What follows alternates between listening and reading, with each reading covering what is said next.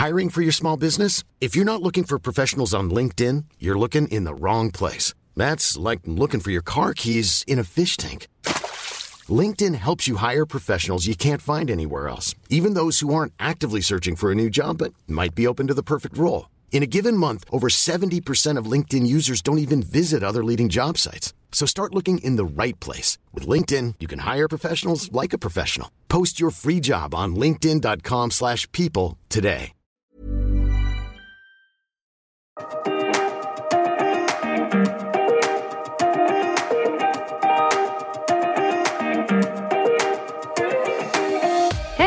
Och välkomna till Succé dig själv. Podden där vi träffar människor som är precis som du och jag, men som har drömt, vågat och vunnit. Varje historia är unik och inspirerar dig till att våga succé dig själv. Så häng med på vårt möte. Vad säger du Fille? Pia, nu kör vi!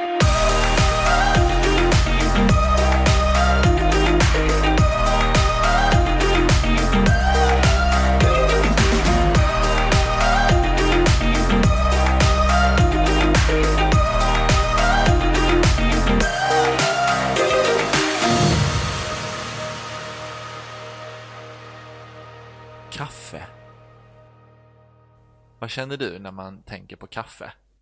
För det känns som att alla har en relation till kaffe oavsett om du dricker eller inte. Alltså kaffe för mig, alltså för mig är min första kopp på morgonen, den tar jag på jobbet. Eh, och då kopplar jag på eh, jobb-Pia. Den är superviktig för mig. Det är, jag vet inte. Men dricker du lika mycket kaffe då när du är hemma? Eh, nej, Nej. det gör jag inte. Ehm, där är det mer, där är det ju mer ett, en, en sällskapsdryck än att starta igång en Ja, dag. precis. Man dricker jobb- det när man, några kommer Eller- på en fika eller hur? eller sådär. Ja. Ja, och ibland så kan jag kanske, min man dricker inte så mycket kaffe, och ibland så tvingar jag honom att dricka kaffe för att vi, det ska bli lite socialt. Ja. Så här. Nu ska vi sätta oss med en kopp kaffe var Ja. här. Precis. Jag kan ta ett glas vatten. Nej, det är inte samma sak. Du ska ha kaffe. Exakt. Men det känns som att alla har ju en relation till kaffe just för att de som inte dricker kaffe så blir det mer att Ja.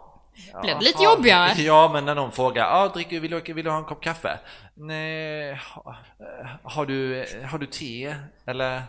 Saft. Ja, har, jag känner kan man ta sig- ett glas saft. Känner Man man sig som tolv? ja, men så är det verkligen. Ja, så är det. Och de som dricker mycket kaffe, alltså de funkar ju inte utan kaffe. Nej. Nej, men jag tror nog att jag är en av dem som inte funkar utan kaffe. Jag, jag skulle nog hävda själv att jo då, det är klart att jag kan klara mig utan kaffe. Ja. Men till och med mina barn säger till mig ibland, mamma, Drick kaffe mamma! ja, ta en kopp kaffe. Eh, Så ja, men det är det nog. Men jag är ju ingen, om vi nu ska tänka på det, den eh, gästen vi kommer ha idag, så kan jag ju inte kalla mig för en kaffesnobb. Nej. Nej, inte om man jämför med kaffets Bodhisattva. Nej. Som finns i Mörrum Mm. på Blekinge Specialty Coffee. Ja. Alltså det var, eh, jag måste säga det var en upplevelse. Och det var en tankeställare. Och som, till det här att, som sagt, att, att det är faktiskt någonting som vi, framförallt i Sverige, dricker väldigt mycket av och kan väldigt lite om. Mm. Man har ingen tanke på det överhuvudtaget och det är så konstigt med tanke på hur medveten man är om allt annat. Oavsett om det handlar om kött, eh, frukt, Ja, här, fisk. här häller man i sig precis vad som Man har ju ingen aning om vad man häller i sig. Kaffe är kaffe. Kaffe är kaffe. Det är som plåster eller Lypsyl. Absolut, som Det Lypsyl. finns bara en sak liksom. Ja, det är sant. ja. Så, så någonstans så har, vill man ju gärna gå ifrån eh, den här vanliga kaffedrickaren, får man säga Svensson kaffedrickaren? Får man. Får man. Och vi gör det. Ja, det gör vi faktiskt. Till att bli kaffesnobb, för man vill ju faktiskt veta vad det är man häller i sin kropp. Och man fick ju verkligen veta jättemycket saker som man Ja. inte hade någon aning om i, Ja. om man ska säga hela kaffevärlden och hur det funkar där. Och att han är Sverigemästare. Ja men så häftigt. Ja. Och fyra i VM. Ja. Så vi säger från oss till alla kaffedrickare där ute. Nu får ni möta kaffets bodhisattva Henrik Arvidsson.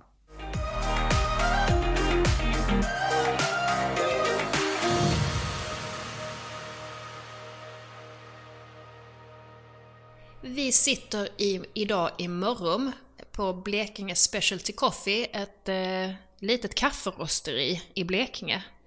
Och vi har äran att få eh, intervjua en Sverigemästare. Så vi säger välkommen Henrik. Tack så mycket. Vi kan väl egentligen börja med varifrån kommer din stora passion för kaffe? Eh, första fröet såddes nog när jag var på en resa, rundresa i Ecuador i Sydamerika. Eh, så var vi på ett ekologiskt plantage där och då hade de lite kaffeplantor och så var det lite kaffefrukter på. Eh, jag hade aldrig sett kaffefrukter innan. Detta var ju början på 2000-talet. Tror det var 2003 eller något sånt där som jag var där. Och ehm, ja, men så jag tog en frukt. Även om den inte var mogen så tog jag den och stoppade i fickan och tog med mig liksom. Och eh, den, jag vet inte var jag har den nu, men den ligger säkert i någon låda någonstans. men där började liksom tanken på, just ah, det är kaffe, det växer på träd sådär liksom. Ja, just det. Så där såddes väl fröet eh, till, tror jag. Hade du tänkt på kaffe på något annat sätt tidigare än bara något som du dricker? Nej, det kanske jag inte hade gjort. Utan eh, långsamt så kanske det en, en sån här känsla vaknade att, eh, ja men, var kommer kaffet ifrån? Vad, vad är kaffe egentligen? Eh, sådär. Eh, för när man kollade då i alla fall på alla, alla ja, de här stora rosteriernas kaffen och man läste på baksidan varifrån kommer detta kaffet så stod det i bästa fall ja, att det var en blandning ifrån eh, Östafrika, Sydamerika och Eh, Centralamerika kanske. Men det är ju rätt stora, det är ju hela kontinenter, liksom var, var på den kontinenten i så fall och var liksom sådär. Så då blev man nyfiken och ville veta mer om var är det odlat för någonstans och sådär. Eh, och sen har ju det vuxit fram en hel, alltså just med specialkaffe och sådär. Och eh, spårbarhet, att man vill har möjligheten att kunna spåra kaffet tillbaka till odlaren. Så, eh, så det är ju en hel, det finns ju över hela världen nu. Eh, och det hade väl redan startat då, det startade ju redan i, i alltså vid millennieskiftet och i, i Australien. Jag sitter här och fortfarande funderar på det här med kaffefrukten. Hur ser en kaffefrukt ut? Ja, eh, jag har ett litet träd där inne. Jag skulle kunna visa dig, men jag kan ju beskriva istället för det går inte att visa i radio. Alltså. Eller en podd. ja, Så, eh, ja men de, det, det, är ju, de är små som en eh, liten vindruva ungefär. Och sen inuti den så sitter det två stycken eh, kaffebönor så att säga. Och den kan du ju torka på olika sätt. Alltså eh, den här lilla frukten då, den har ju lite fruktkött på sig sådär, eller runt, eh, runt själva kaffebönorna så att säga.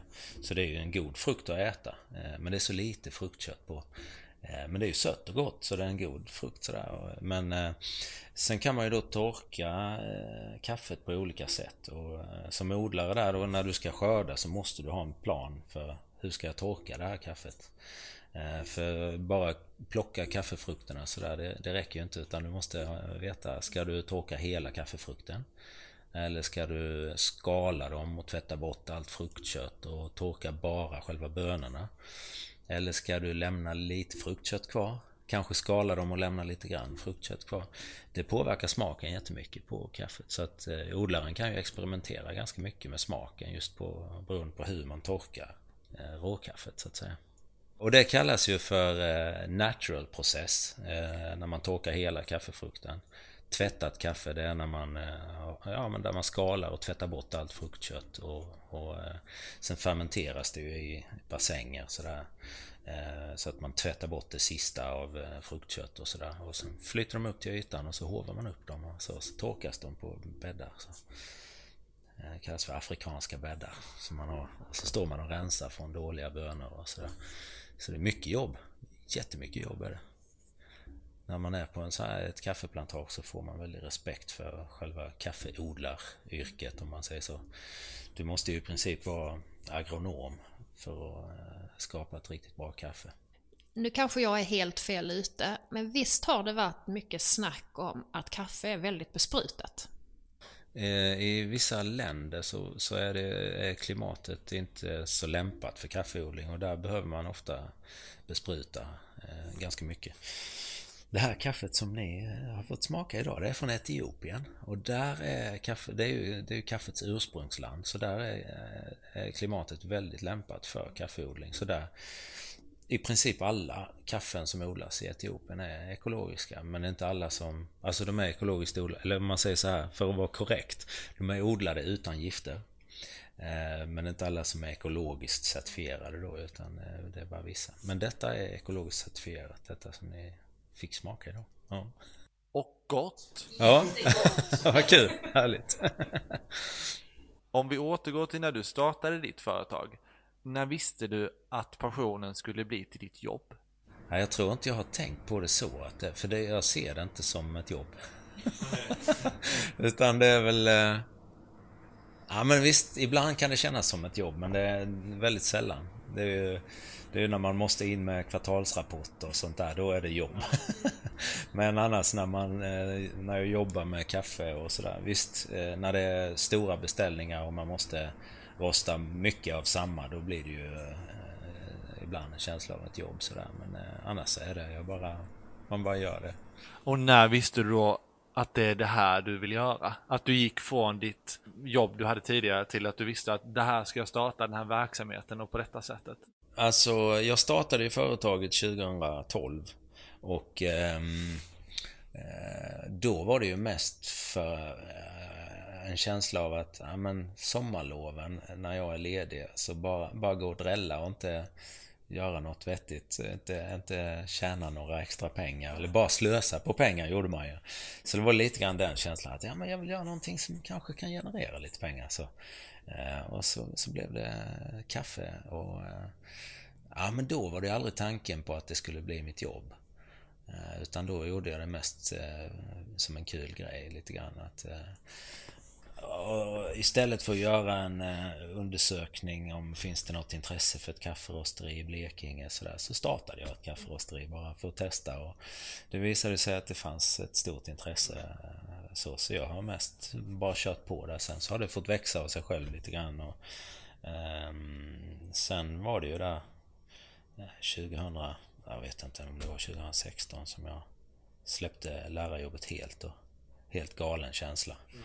Att, att sätta sig i bilen och, och skriva, veta att man ska in och skriva på avskedsansökan. Ja. I dessa tider ja. när det är så många arbetslösa så kändes det jättemärkligt. Och, men ja, då, då, hade jag ju långsamt trappat ner på lärarjobbet. Det är ju en fördel med läraryrket att man kan göra det. Så, så att jag jobbade ju först jobbade jag 75% i ett par år och sen var det 50% och i slutet var det bara 25%. Så det var ju bara två förmiddagar i veckan. Liksom.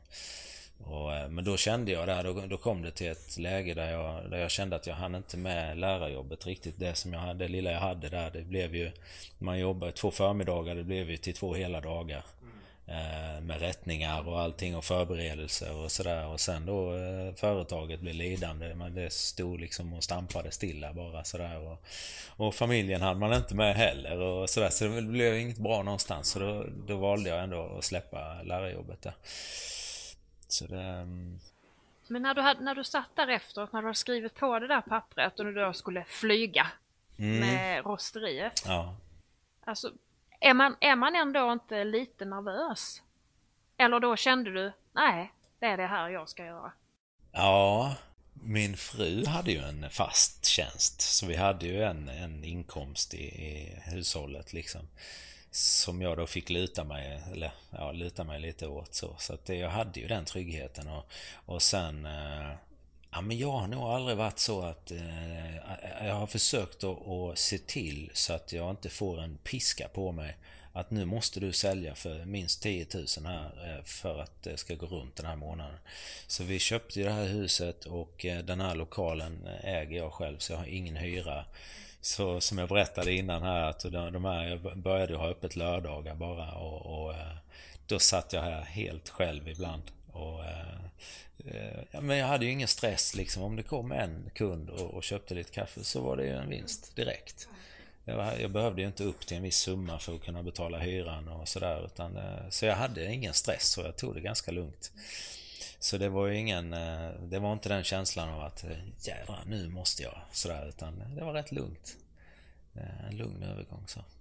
Och vad hade du för kaffe i sortimentet då? Vad, det du vann med på SM? Vi är väldigt så nyfikna på det. ja, just det. Nej, då hade jag i början hade jag ju de första åren hade jag egentligen bara ett kaffe. Eh, som jag körde med. Och jag hade två olika rostningar på det för, för att variera lite. Så. Men i takt med att man kom in i det mer och fick mer och mer kontakter så, där, så kunde jag hitta fler kaffen, fick lite tips och sådär och hittade andra kaffen och så. Och då när, när jag anmälde mig till SM, eh, det var ju 2017, då hade jag ju hållit på i fem år.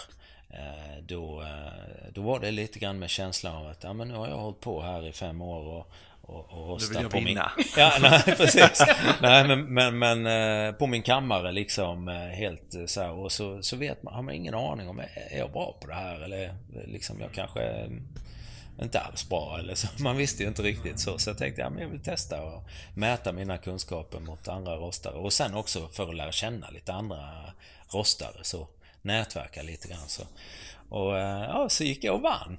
Ja. Hur går det till? Ja, och, och, och där kommer jag till svaret då på frågan därför att eh, alltså jag, man, man, när man tävlar i kafferostning så har man inga, inga egna kaffen med sig utan då är det alla får samma kaffen att tävla med. Så det är ah. eh, egentligen fem olika kaffen då. Fyra som är eh, tävlingskaffen och ett kaffe som är träningskaffe då.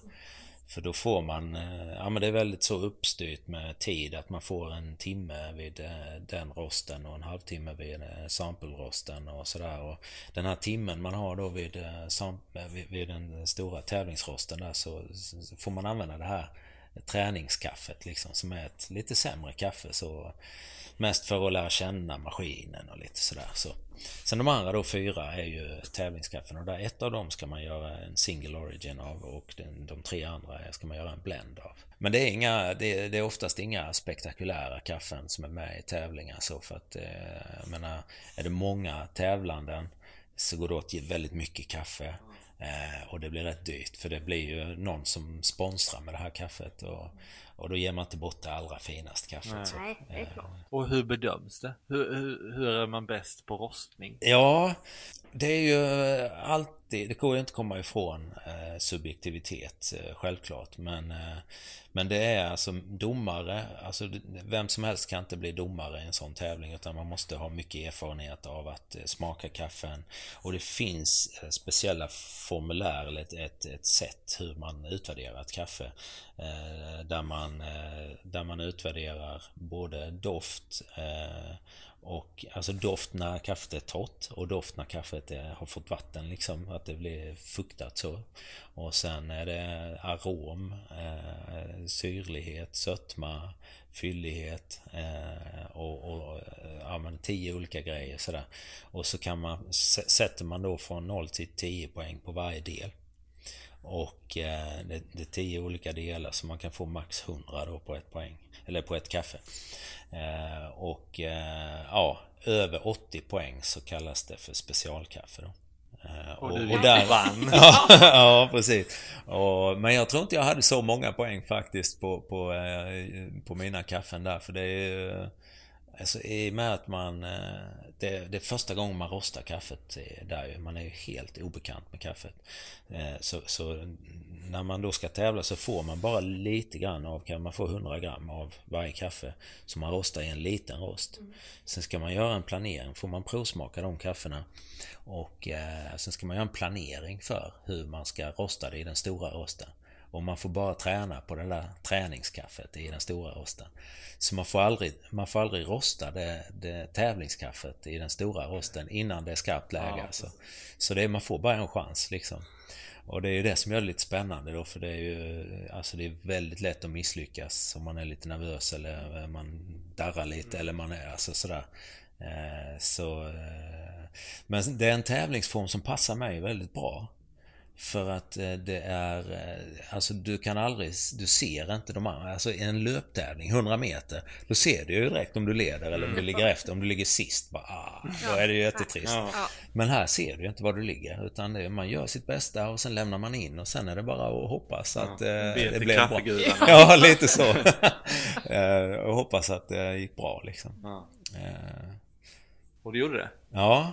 I SM där så gjorde det det. Men jag var nog, alltså som jag förstod det så var jag inte bäst på någon enskild del utan jag var jämnt bra på, överallt, över hela liksom. Vilket gjorde att, att jag vann där. Och hur kändes det? Ja, det var ju helt galet ju. Alltså, vi, vi var ju fem stycken uppe på scenen där och, och ja, men de delade ut till femte pris och fjärde pris och tredje och så liksom Tredje priset gick till någon annan också. Och så var, var det bara jag och en till. Ja. Och sen liksom var det någon annan som fick andra priset så bara, ja men då måste det vara. Så det var, ja, det var, det var väldigt, eh, väldigt härlig känsla.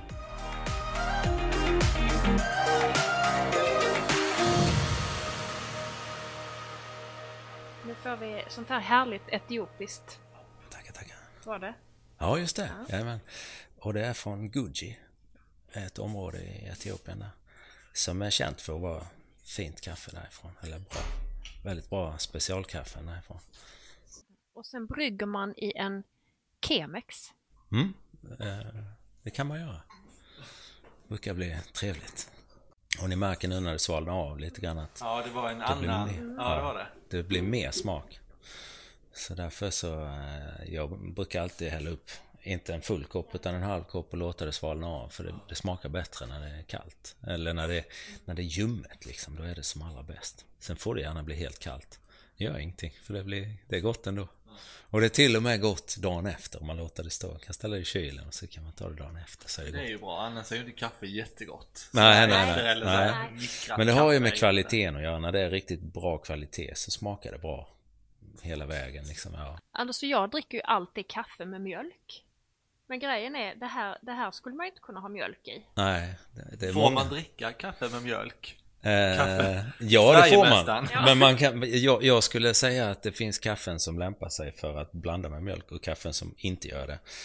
Många av de här specialkaffena är ju mikrolott. Vilket innebär att de, eh, de kommer inte bara från en odlare utan de är från en åker hos en odlare.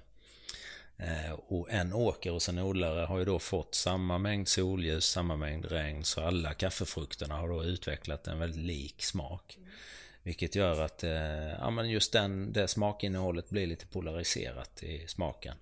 Eh, så att det blir väldigt tydligt. Eh, så fort du börjar blanda med en annan lott någon annanstans, på en annan höjd, en annan sluttning, så jämnas de smakerna ut så att man, man eh, jag kan inte uppleva dem på samma sätt.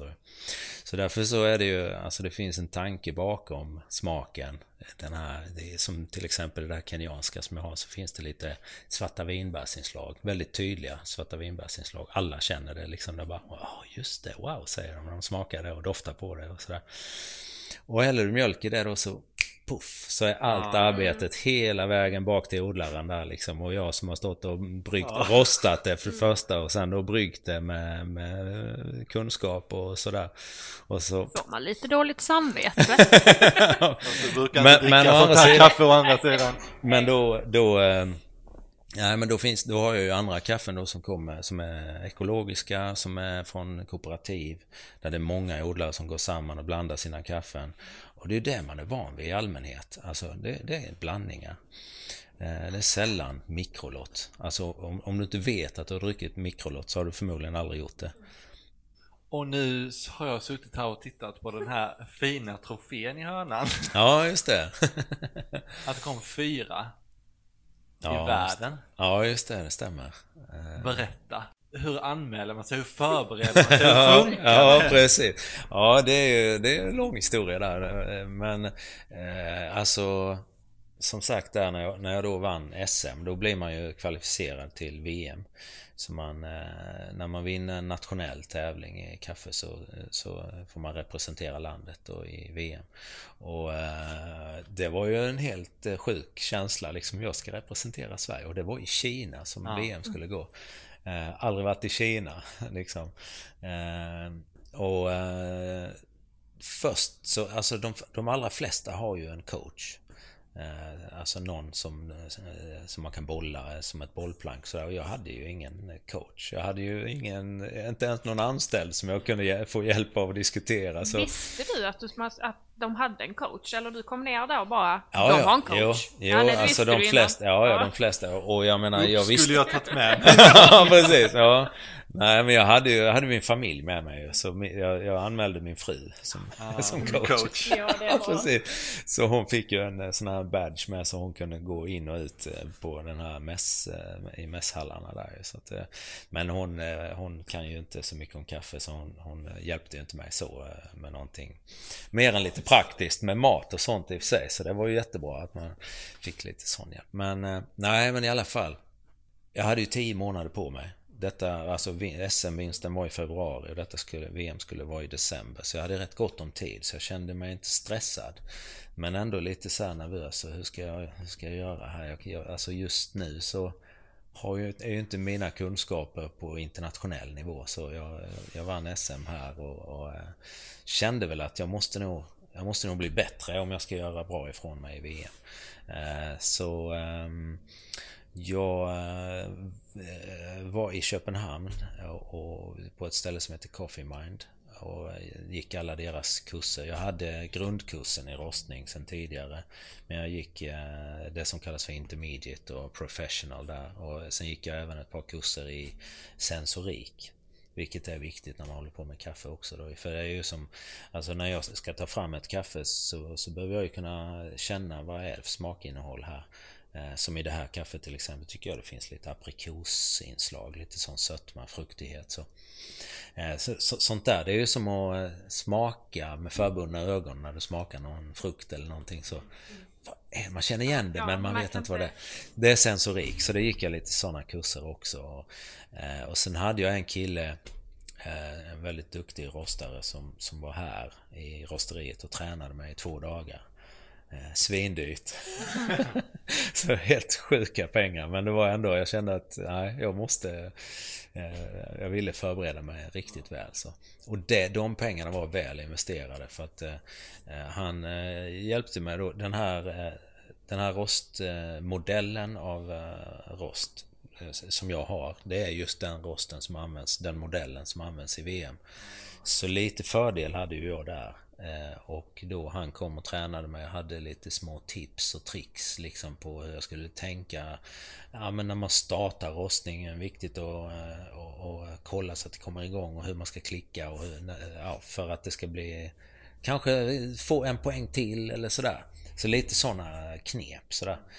Eh, och ja men lite allmänt så om tävlingen och, och sådär. Så att efter de två dagarna där så så kände jag att, ja men jädrar det här. Jag, visste, jag hade en plan liksom vad jag behövde träna på mera och sådär. Så jag tränade och eftersom jag hade rosten här så kunde jag träna på denna eh, jättemycket just och förbereda mig väldigt väl. Så att när jag åkte till Kina så var det ju en helt sjuk känsla av att jädrar det här är inte omöjligt alltså. Så det var ju en väldigt märklig känsla att komma från, från lilla Mörrum till Guangzhou i, i södra Kina. Eh, som är, jag tror det är 18 miljoner eller någonting så här gigantisk stad. Eh, och jag menar jag kom dit ensam då ju. Jag hade familjen med mig men de eh, var ju inte med liksom inne när, när det var tävling och så utan jag var ju själv. Många andra kom ju med ett helt team. Australiensaren till exempel, de var åtta i hans team. Så de var ju nio stycken som liksom ett helt lag och snackade. Och, och när, så fort han gjorde någonting i tävlingen så stod ju de stod det ju säkert fyra, fem stycken runt omkring och antecknade och, och skrev upp och sen hade de möte efteråt och diskuterade hur han kunde förbättra sig och sådär. Och jag gick omkring där helt själv och du vet så. och här så. kommer lilla jag. Ja, precis. Men eh, ja, jag har förstått det i efterhand att ja, men man behöver inte ha det. För det, det är nästan bara störande. Att ehm, ja, men det, är inte, det är inte bara bra att ha massa åsikter och massa folk som tycker en massa utan det, det kan vara fördel att bara Gå in i slut. Ja, precis. Liksom. Ja. Och, och, lite så var det för mig för att jag Eh, alltså jag, jag, känner ju igen eh, när jag, det låter ju löjligt, inga, inga övriga jämförelser för det här handlar ju bara om kaffe liksom. Men, men på Mästarnas Mästare på TV, de berättar ju ofta om hur de, för, hur, hur de förbereder sig inför viktiga tävlingar och sådär. Och jag känner igen mycket av det för jag var så jättenervös. uh, och, och, men, men jag visste ju att jag var väl förberedd och så. Och jag, jag liksom, men men de, de här två dygnen innan den, den, stora rostningen, om man säger så, den viktigaste rostningen där, så låg ju jag eh, sömnlös hela nätterna och gick igenom mentalt varenda liten rörelse jag skulle göra. Eh, så att när jag, när jag gick upp och verkligen körde det så hade jag ju gjort det flera gånger innan. Eh, rent mentalt så, så att jag var, jag var riktigt förberedd. Eh, måste jag säga. Jag hade inte kunnat förbereda mig mer. Eh, så att känslan där när, när man stod där då, det, det var dags för mig att, att rosta. Ah, ja men du vet massa kineser och fotografer och sådär och, och så står man där och, och volontär, det var ju två volontärer som, som stod och tog tid och sådär och kontrollerade varenda grej man gjorde och sådär. Så får man fem minuter på sig att förbereda sig och liksom sådär. Och då stod jag, min fru satt i publiken och tittade och hon såg jag såg helt fördärvad ut. Jag, jag, bara, jag kunde inte stå stilla, Jag stod liksom så här och, och, och vred och vände på mig och hon tänkte herregud, hur ska det här gå? Hur ska det här gå? Liksom. Men sen då så sa jag bara okej, okay, nu kör vi. Och så bara, zoop, bara 190 fokus. Ja. Och eh, drog igång rostningen och jag hade ju fått träna dagen innan på den här rosten och så. Då hade jag fått en, en sån här referensprofil som man kan ha i bakgrunden då när man ser på datorskärmen där hur, hur temperaturen utvecklas på bönorna. Så jag, jag ville att den skulle gå lite snabbare än den rostningen som jag gjorde. Och när den då när, när jag märkte efter en liten stund att den utvecklade sig eh, precis så som jag ville så du vet, mm. den här känslan av att yes! Så jädra skönt att, den, att, att det blir som jag vill. Så att när jag lämnade in kaffet när jag var klar så, så visste jag att jag hade gjort ett bra kaffe. Det här, det här är ett bra kaffe, det här kan jag stå för liksom. Utan att ha smakat det eller någonting så visste jag att det här, det här är bra. Så sen visste man ju inte hur, hur det skulle bedömas och sådär. Så att, men det var ju ändå med stor förvåning som jag fick ta emot tredje priset först faktiskt. Jag var ju upp på scenen först eh, och fick ta emot eh, den här trofén för tredje priset. Så att eh, Eh, så det var ju helt galet i två timmar där. Eh, alla de stora i kaffebranschen fram och gratulerade och pratade lite och man visste knappt vilka hälften av dem var liksom. Så, eh, men sen då två timmar senare så, så fick vi komma in i, i ett rum där Ja men där huvuddomaren satt med alla alla domarnas poäng, poängsättning så man skulle få se sina egna bedömningar sådär då. Och då när, direkt när jag kom in så såg jag australiensaren Jack då som satt där med hela sitt team. Och de såg helt bedrövade ut. Så jag gick fram till honom och sa vad, vad är det? Så, ah, så han, vi, vi tror att vi ska ha 12 poäng till här. Eh, för det, alltså då, det man gör när, när domarna sätter poäng, då har ju de en, ett papper med alla poängen de sätter. Och då har man kodat kaffena. Eh, det kallas för dubbelblinda test. Så att man kodar dem två gånger för att ingen ska ha en aning om vem, vilket kaffe som är vems. Eh, så då var det på de två första papperna, det var ju tio domare. De två första papperna var det en kod på och sen de åtta resterande var det en annan kod på. Nej. Och de kaffena tillhörde brasilia, brasilianaren. Och han hade blivit på 18 plats. Jack då från Australien hade blivit sjätte plats. Så, eh, ja men en halvtimme senare eller 20 minuter senare kanske så eh, kallade de in mig och tysken som hade blivit tvåa. Och, och eh, så sa de där att, ja, tyvärr är det så här att Jack där, han ska ha 12 poäng till och han blir då tvåa. Så tysken som hade blivit tvåa, han fick ju min trofé då. Eh, för han blev ju trea då. Ja. Och Jack blev tvåa då. Ja. Så, så att... Eh, ja, då sa de det att ja, vi är ledsna, vad kan vi göra? Så, för jag var ju mest... Jag, egentligen var jag superglad. Eh, så. Men... Ja, det var ju mest synd om mig för att jag hade hamnat utanför pallen. Ja. ja. Så då sa de där att vad kan vi göra? Så sa jag att ja, men om jag får en sån där trofé för fjärdeplatsen där. Om jag får den där Brasilienresan som ettan, tvåan, trean skulle få. Så, så är Då är det okej. Okay. Okay. Ja, precis. så egentligen var man ju supernöjd. Jag var, ja, det var ja. helt galet att bli fyra i världen. Och det var 21 tävlande ju. Så, det är helt äh, fantastiskt. Ja, det, det Har var... du tänkt att ställa upp igen? Ja, jag känner lite att jag inte är färdig eh, med tävlandet där. Nu blev det ingen tävling i år. Eh, det blev inställt. Men det var inte på grund av Corona, den var inställd eh, sen innan. Så att... Vi får väl se. Men det börjar bli lång tid nu så man känner man kommer ifrån det lite. Innan har det varit varje år man har varit lite så inne i det. Men ja, det skulle vara kul.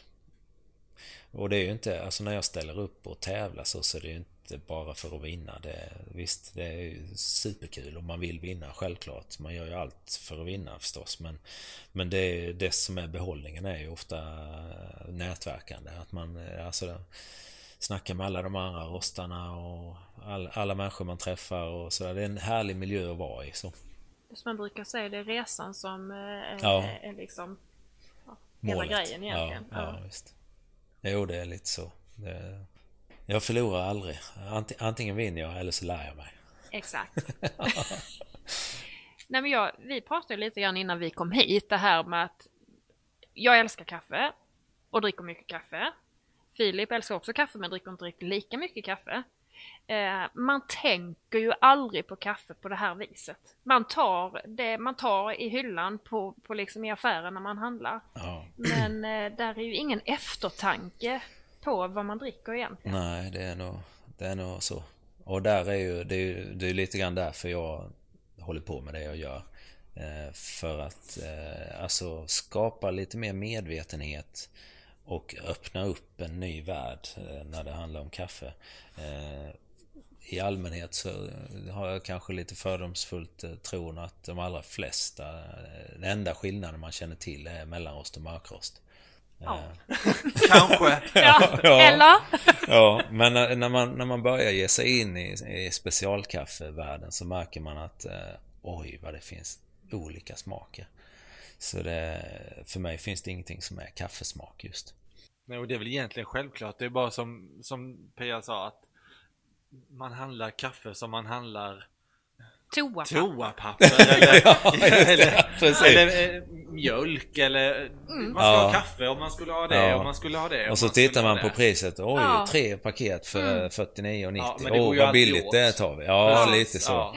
Man tänker ju inte längre på kaffet än så. Nej. Nej, alltså, och, och det är ju egentligen ganska märkligt att man inte är mer intresserad eftersom man dricker det. Mm. Ja, Sven... Det finns ett intresse för så mycket andra saker. Ja. ja. Ska, alltså. Tyvärr är ju också då priset lite annorlunda. Eh, eller tyvärr, alltså det är ju, det är ju för att Alltså de här massproducerade stora kaffena Där är det sällan att någon människohand har överhuvudtaget vidrört kaffet. Eh, vilket då gör att det blir sämre kvalitet och alltså ofta så de slås ju av bönorna och blir skadade och sådär. Så att eh, Ehm, jag, skulle kunna nästan lova att om du tar eh, ett av de stora rosteriernas, eh, ett mörkrostat kaffe, vilket som helst, eh, så om du tar och köper hela bönor, häller ut dem på en tallrik och räknar, eller tar bort alla bönor som är skadade. För de skadas inte av rostningen det händer i, i själva processen när man ska skala kaffefrukterna. Om man är vårdslös där så blir det lite att de slås sönder och sådär. Och alla de bitarna, det är ju, för mig är det skräp. Så det måste bort. Eh, det är ju defekter. Eh, och eh, om du gör det på ett av de här stora, alltså, så får du hålla på en stund och rensa bort. Och de gångerna jag har gjort det så har det blivit ungefär hälften skadade bönor. Och Ja, det är, ju, det är ju sämre kvalitet och man får det man betalar för. Eh, Medan då i de här kaffena, alla mina kaffen, så är det ju handplockat, handrensat. Eh, och, och visserligen har de maskiner men de är betydligt mindre och mycket snällare mot bönorna så de går inte sönder i samma utsträckning. Men skulle det vara någon som går sönder så plockas den bort. Eh, och råkar den halka med så efter rostning så, så får jag ut dem i ett cooling tray där de kyls ner liksom. Och där står jag hela tiden och rensar och plockar bort eh, eventuella skadade bönor eller eh, om den var omogen när den plockades så kan man också se det för den är lite ljusare då. Så då plockar jag bort alla dem också. Och de är inte goda heller, de smakar illa. Eh, så de rensar jag bort också. Höjer man kvaliteten ytterligare lite på, på kaffet efter rostning. Så om du tittar på mina hela bönor här så kommer du inte att hitta några skadade bönor alls egentligen. Möjligtvis en och annan liten sådär men annars är det alla hela och fina bönor och så. Och det är kvalitet. Då, då, då blir det snällare mot magen och det blir bättre smak och, och eh, allting liksom. Jag skulle precis fråga om det här att man får ont i magen, man kan inte sova om man dricker kaffe för sent. Eller det är bara något vi har fått för oss? Nej, men jag, jag frågade en eh, läkare det eh, någon gång och, och, han sa att eh, alltså koffeinets effekt eh, slår in efter en viss tid. Alltså han trodde det var ungefär fyra timmar eller så. Så att eh, de som säger att ja, men jag dricker aldrig kaffe efter sex så är ju det en ganska bra grej att hålla sig till. För dricker du kaffe vid, vid nio kanske och så går du och lägger dig vid 10, halv 11 eller någonting. Keep och sen klockan ett. Ja, precis. Och så, så kanske du vaknar klockan ett och kan inte somna om. Eh, så kan det ju bero på att du tog en kopp kaffe då vid nio och så. Hur mycket kaffe dricker du? Ja, men jag, jag, dricker inte så mycket ändå. Jag, jag brukar, jag har, den här Chemex-kannan brukar jag bara använda när jag får besök. Eh, eller så, när man ska göra lite mera. Annars så brukar jag göra en lite mindre kanna som, där det går kanske två, tre koppar. Eh, och så gör jag en sån på förmiddagen och den har jag småsippar ifrån hela dagen, eller hela förmiddagen egentligen. Så, så brukar jag göra en på eftermiddagen också. Så, så jag, kanske mellan fyra och sex koppar om dagen. Så det är inga jättemängder. Men dricker du det då, då kan du inte dricka det varmt alltid? Nej, inte, inte kokhett så Nej. dricker jag aldrig. För då är det för varmt för att kunna uppleva smakerna. Och dels så bränner du dig på tungan och då smakar man ju ingenting. Eller så då smakar, kan man ju inte känna smaker på en lång stund efteråt. Så det är då tar man mjölk i. ja, just det. För att kyla ner det snabbt. Ja. Nej, så jag, jag brukar hälla upp lite grann och så låter det svalna av lite grann. Och vilket kaffe dricker du helst? Har du något favoritkaffe bland dina eller vad dricker du? Ja, men det har man ju. Alltså, men det, för mig är det sådär att jag har ju flera olika kaffen som är riktigt supergoda tycker jag. Eh, så att jag på morgonen eller så när man ska välja så funderar man lite grann. Då kanske man har druckit det där kenyanska som är helt magiskt. Kanske man har druckit eh, tre, fyra dagar i rad sådär. Och så tänker man att ah, men det var det ett tag sedan jag drack den där etiopiska natural. Den, där, den, den vill jag nog ha idag. Så, så tar man den. Eh, och den är ju också fantastisk. Så det, det är ingen sådär som jag känner att den bara. Ska man köpa hela bönor och eh, mala själv eller eh, går det lika bra att köpa malt? Eh, både ja och nej, men, men eh, ja för att eh, alltså, om man ska dricka det inom en vecka eller, eller två sådär så går det utmärkt att, mala det och, och köra sin pour-over sådär. Det kommer att smaka jättebra. Men jag rekommenderar inom två till tre veckor efter malning. Eh, Vad märker man för skillnad då? Det tappar eh, aromer. Mm. Och speciellt i kontakt med syret i luften. Men, men eh, nej för att eh, alltså de hela bönorna kapslar ju in smaken så att det bästa är ju om du kan mala ditt kaffe själv. För då, eh, det, det är därför det luktar så gott när man, när man maler för det, oh, och aromerna sprider sig i luften och så. Eh, man kan ju bromsa den, eh, den processen lite grann genom att jag brukar rekommendera mina kunder att eh, när, om jag maler påsen eh, så brukar jag ju mala det direkt ner i påsen och sen svetsa igen den. Eh, man ska aldrig hälla över kaffet i en burk till exempel. Gärna i så fall ner med hela påsen i burken. Men det, för det räcker ju att du öppnar påsen och häller över kaffet i burken. Där så kommer varenda litet kaffekorn komma i kontakt med nytt syre. Tappar jättemycket smak. Det är många tips här nu. Det är alltså, tänk så mycket man inte ja. har en aning om. och man dricker detta ja. varje dag. Och man har inte en blekaste aning. Nej, och de här då stora osteriernas, eh, alltså när det är färdigmalt och vakuumförpackat, de här stenhårda liksom eh, blocken. Eh, då, då har ju de eh, rostat det och malt det och sen eh, paketerat det direkt och sugit ut all luften och sådär. Så att men, men de blir det, alltså kaffet, eller vad ska man säga, aromerna Eh, släpps ju ändå ifrån lite grann ifrån kaffet. Fast det kapslas ju in i det här vakuumförpackade så att när du öppnar det paketet så doftar det ju fantastiskt. Men det, det, smakerna, det tappar ju smak mycket snabbare. Här sätter jag två till tre veckor men ett sånt paket eh, skulle jag nog sätta mindre än en vecka. Herregud. Men det, det, är inget man kanske tänker på. Nej, sådär. det gör man inte. Och de där billiga sådana paketen, de går ju åt också. Då, då, då gör man en kanna och så dricker man ja, två ja. koppar så häller man ut ja, resten. så gör man ju. När man inte dricker upp det så. Ja. Men du exporterar lite kaffe? Jag har gjort det eh, några gånger så. Jag har eh, något ställe i Danmark som, som jag exporterar. Det är ju egentligen kanske inte export, det är ju nära men Jag har exporterat några gånger till Dubai och någon, någon gång till något... Det var ett ställe i Limerick på Irland faktiskt. Ja. Så, alltså det är lite kuriosa, ja, lite kul. Och hur kommer, hur, hur kommer man i kontakt med? Ja, det på Irland var eh, genom en kafferostarvän som håller till på västkusten på Irland här och som hade sitt kaffe på det här kaféet då i, i, i Limerick. Och, så, så, ville de köra någon sån här, att han skulle bjuda in någon sån här gästrostare. Så, så då tänkte han på mig, det var jättesnällt. Så det blev man ju lite så här ärad över. Så. Vi lärde känna varandra på ett sånt här rostarläger på, i Estland var det. För flera år sedan. Så lite sådana har man varit på också eh, tidigt. Så, så det, det, har varit, eh, ja, det har ju också varit fantastiska eh, upplevelser. Att, eh, så första gången man var på Roaster Camp det var första gången de anordnade ett sånt roaster camp. Då var vi typ 100 olika kafferostar från hela Europa. Och ingen hade varit på något sånt innan så det var, ju, det var en helt magisk miljö att vara i. För det man såg, ni ser ju i mina ögon hur det lyser, eller hur? Ja. Och, och, bara möta hundra andra, där det bara, man ser det bara lyser i allas ögon. Man bara, wow!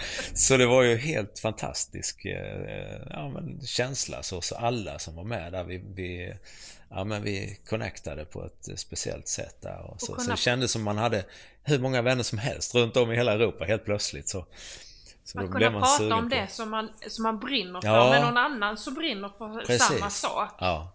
Det måste ju vara Man snackar samma språk helt plötsligt. Mm. Man hittar en själv. Vad gör man på ett roaster camp?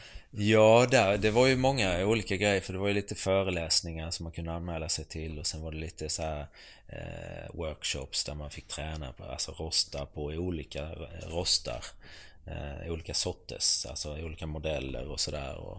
Så fick vi lite olika uppgifter i grupperna att vi skulle rosta på ett visst sätt och sådär. Så, så provsmakar man det och, och ser hur det blev, om det blev någon skillnad och lite sådär. Så det var sådana grejer som vi gjorde. Och sen går man ut på kvällarna och, och tar en öl och sitter och ljuger tillsammans. Så, ja, supertrevligt. alltså, nej som sagt, det här med, med att lära sig dricka finkaffe som jag kallar det för. Mm. Så. Eh, och kaféer som inte har finkaffe. Det var ju så här som, som vi eh, upptäckte dig. Ja. Att eh, det var en eh, som öppnade ett café ja, med eh, specialkaffe, ja, finkaffe. Ja. Och så började vi prata. Ja men det har den, nej men det, det finns här imorgon. Ja. ja just det, ja precis. nej men eh, det är ju ganska häftigt. Och så då tänk nu när man sitter här, då finns det roaster camps. Ja, med många. Ja. Ja, och det, jag menar de, jag har ju kontakter nu i, jag menar, ja men som jag sa Irland, Tyskland, Frankrike, Italien, eh, Portugal, Spanien och alltså överallt, alla, i princip alla, och även eh, öststaterna så. Eh, nere på Balkan och så. Så jag, jag menar, kommer jag till något ställe så kan jag alltid hitta någon vän. Ja. Så det är lite trevligt. Och efter VM där så har man ju även i eh, USA, Kina, Japan, Australien och överallt så som folk som man känner. Så det älskar ju jag, den grejen att helt plötsligt så blir det globalt. Eh, fast det är en liten bransch ändå om man jämför med hela kaffebranschen så är ju specialkaffebranschen en liten men växande. Jag tror den växer fortare än vad hela kaffebranschen i sig gör. Eh, så det, det ökar ju lite för varje år. Vad har du för mål med din passion med, med kaffet? Ja, men jag tror det både börjar och slutar vid eh, den eh, underbara känslan av att dela med sig av en smakupplevelse. När, när, eh, ja, men när, jag, när jag får in en kund här som aldrig, ja men som kanske säger att ja men jag vill ha en kopp kaffe bara och, och så börjar man berätta lite grann och sådär och sen kanske jag bjuder på det här kenyanska och det är lite, ingen av oss vet ju om den här personen kommer gilla det eller inte eller någonting sådär. När det blir en sån där Ja men det kanske är någon som, har, som alltid dricker eh, av vana något mörkrostat kaffe sådär så kommer de in och smakar det här kaffet och blir helt så Wow! Mm. Vad är detta? Vad jävlar vad gott det här var liksom. Det, det är det jag brinner för. Jag tycker liksom sen eh, för att företaget ska kunna rulla så, så måste man ju tjäna pengar. Det, det, måste ju vara pengar in. För att eh, jag, vill ju, jag vill ju finnas kvar om man säger så och växa. Eh, men det är det som driver mig. Just den här känslan av att dela med mig av en smakupplevelse. Det, det är det som är det roliga. Och sen lära, lära mig mera hela tiden. För det finns ju så oerhört, som du märker, det finns mycket att lära sig. Men jag kan ju långt ifrån allt. Så jag vill ju hela tiden lära mig mera och sådär. Så det Du kommer bli vår guru. Ja, Kaffeguru. ja precis. Jag brukar tänka på det som en, en slags Inom buddhismen så finns det ju Buddha då, men han, han åkte ju upp till Nirvana. Men sen finns det ju de som är bodhisattva. Det är de som har sett eh, Nirvana, men de väljer att gå ner till jorden igen och hjälpa människorna. De vanliga döda. Lite så känner jag mig, så här, Ja. en kaffets bodhisattva. Ja, det är helt jag har rätt. sett ljuset, men jag går ner och hjälper de andra. Liksom. Ja. Så jag sprider det här Ja. ljuset över kaffe lite så. Ja. Jag, vet, jag drar lite paralleller med de som är med whisky och annat. Och där finns ju också en hel kultur som man ändå är, lite medveten om. Jag var faktiskt totalt omedveten om att det var en, en sån här kaffekultur. Eller hur jag ska kalla det. Jo, det finns mycket kaffesnobberi. Så, eh, så, så jag får väl kanske kalla mig för kaffesnobb också. Även om jag försöker att inte vara det. Så jag vill inte vara snobbig, men eh, visst. Jag känner lite spontant att jag också vill bli det. ja, precis. Ja. Jo, nej men det är väl, eh, alltså, jag vet inte vad, vad snobb är egentligen, men eh, att man, eh, alltså man har lite kunskap. Alltså om eh, man går in och beställer eh, en vinflaska, det ska vara en viss årgång, en viss druva, så är man ju lite vinsnobb. Så. Och så är det ju kanske med kaffe med. Men, men det är inte lika lätt att göra det på vilken restaurang som helst. För det finns ju inte. Men det, det, är där vi, det är det som driver mig, att försöka sprida det så mycket som möjligt. Så att det är liksom... Och vilket kaffe skulle du rekommendera att eh, lyssnarna köper? Eh, ja men det är en bra fråga. För det är alltså de kunderna som kommer in här. Dels så har jag ofta lite så att man får provsmaka något av kaffena och sen berättar jag lite grann om dem och tillsammans så kommer vi fram till. För man måste lite grann lyssna in. Vad, vad gillar du för någonting och sådär. Sen ibland är det ju så med att, man, att kunden inte vet vad de tycker. Att, äh, de kanske inte vet att de gillar det här kenyanska. Men Eh, eh Man, ja men lite sådär att eh, man får ta det i steg tror jag. Börja med ett som är nästan lite likt ett vanligt kaffe och sen finns det ju en, en stege att gå på där man testar lite mer speciella kaffen. Och, så man får liksom testa sig fram så jag kan inte säga sådär att ja men testa det. Möjligtvis skulle det kunna vara ett kenyanskt eh, specialkaffe för de är väldigt speciella eh, just det här med svarta vinbärsinslag som de har. Eh, men det, det behöver inte alls vara att man gillar det bara för det, liksom för att det är speciellt så, utan det kan vara att man Ja, ja just det. Så kan det smaka. Och många upplever det som lite, lite för milt, lite liksom, ja en del säger blaskigt sådär, visst. Men då, då, då är det ofta att man är van vid ett riktigt mörkrostat kaffe och man brygger det ofta alldeles för starkt egentligen så. Och är du van vid det och kommer in här och smakar ett av mina kaffen, ja men då blir du besviken eh, i så fall. Och det, det behöver man vara lite öppen för. Så. Vilken skulle du säga är din storsäljare? Mm, ja men det är nog den som jag kallar för Mörrum River Coffee. Eh, Den, den står ju för 25% av allt kaffe som jag säljer. Eller som jag rostar, Där. kan man Nu säga. tittar vi i hyllan här. Och den är, det, den, det är ju ett, ett ekologiskt kaffe från Honduras eh, som är eh, lätt mörkrostat. Så den är ju väldigt lik ett vanligt kaffe. Men om du då om du tittar på bönorna, häller ut dem på en tallrik eller sådär så ser du att det är bara hela fina bönor. Inga, inga skadade bönor. Du kan hitta en och annan liten kanske som, som finns kvar. Men eh, de allra flesta, 99% av alla bönorna är hela och fina. Eh, och det är ett kvalitetstecken.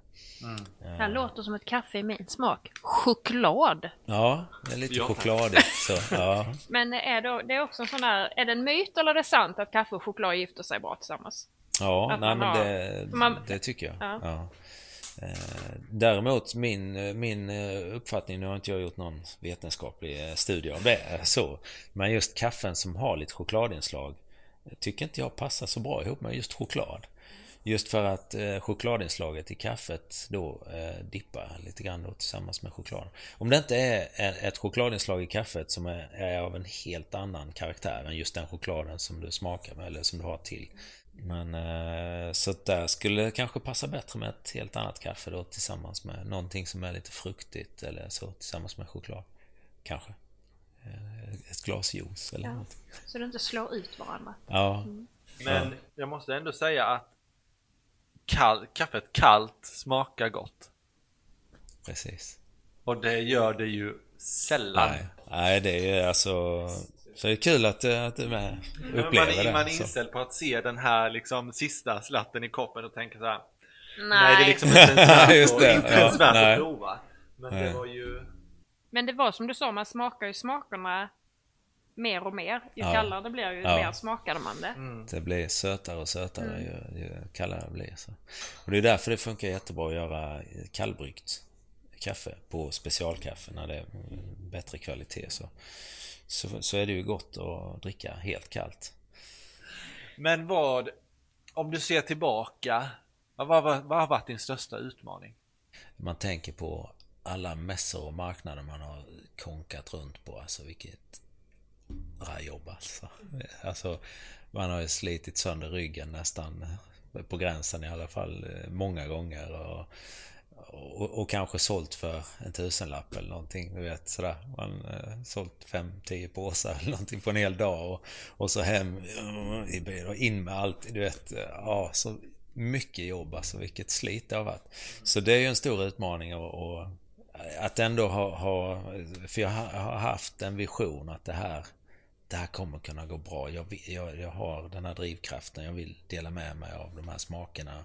Jag vet att det här kommer och alltså, jag kan, kommer att kunna hitta folk som kommer att gilla detta och sådär. Så man har gått igenom rätt mycket eh, jobb så. Eh, så det är väl kanske en utmaning att ändå, att ändå ha det mindsetet att ja men jag tror på det här liksom. För det har, nog funnits gånger där man har tvivlat och tänkt att vad är det jag håller på med liksom? I lilla mörra. Det är helt idiotiskt att sitta här och tro att man ska kunna sälja detta. Men eh, ja, långsamt så. Men det har nog varit tack vare det att jag inte har haft någon piska på mig ekonomiskt. Så att man har kunnat ta det lugnt och sådär. För annars hade jag nog fått eh, starta någonting i någon större stad. Så. Och vad har varit det roligaste? Ja, det roligaste, ja men det kanske är eh, första Roaster Camp där. Det var en helt magisk upplevelse. Men sen är det ju också vinsterna, alltså SM-vinsten där och att stå först upp på scenen i VM, det är ju en helt magisk känsla. Så den är kanske topp. Så är det nog. Alltså Filip, jag tyckte det var jättehäftigt att träffa en person som eh, brinner så mycket för det han gör. Det är hans passion. Ja, och det såg man i ögonen hela tiden när han pratade att det lös om honom och det lös i hans ögon av Verkligen. vilja och passion att få ut det, att berätta det, att, att göra det. Och tänk att man kan gå, man kan vinna SM och man kan bli fyra i VM. Och det hela börjar egentligen med en kaffefrukt Ja. Och en passion. Ja, och det visar att det verkligen stämmer att älskar du ditt jobb så behöver du inte jobba en dag i hela ditt liv. Helt rätt. Och Henrik har ju verkligen succett sig själv. Det där när man ser det i ögonen. Ja. Och tack för det goda kaffet. Ja, tack! Och undrar ni vad vi drack för kaffe så finns bilder på det givetvis på vår Instagram på Succé dig själv. Och eh, vi är alltid på jakt efter eh, nya intressanta historier. Så kanske du bär på en historia eller eh, någon du känner. Tveka inte och mejla till oss på pia och filip gmail.com. Eller gå in på vår Facebook-sida på Succé dig själv och skicka gärna ett meddelande till oss där. Stort tack för att du lyssnade. Tjingeling!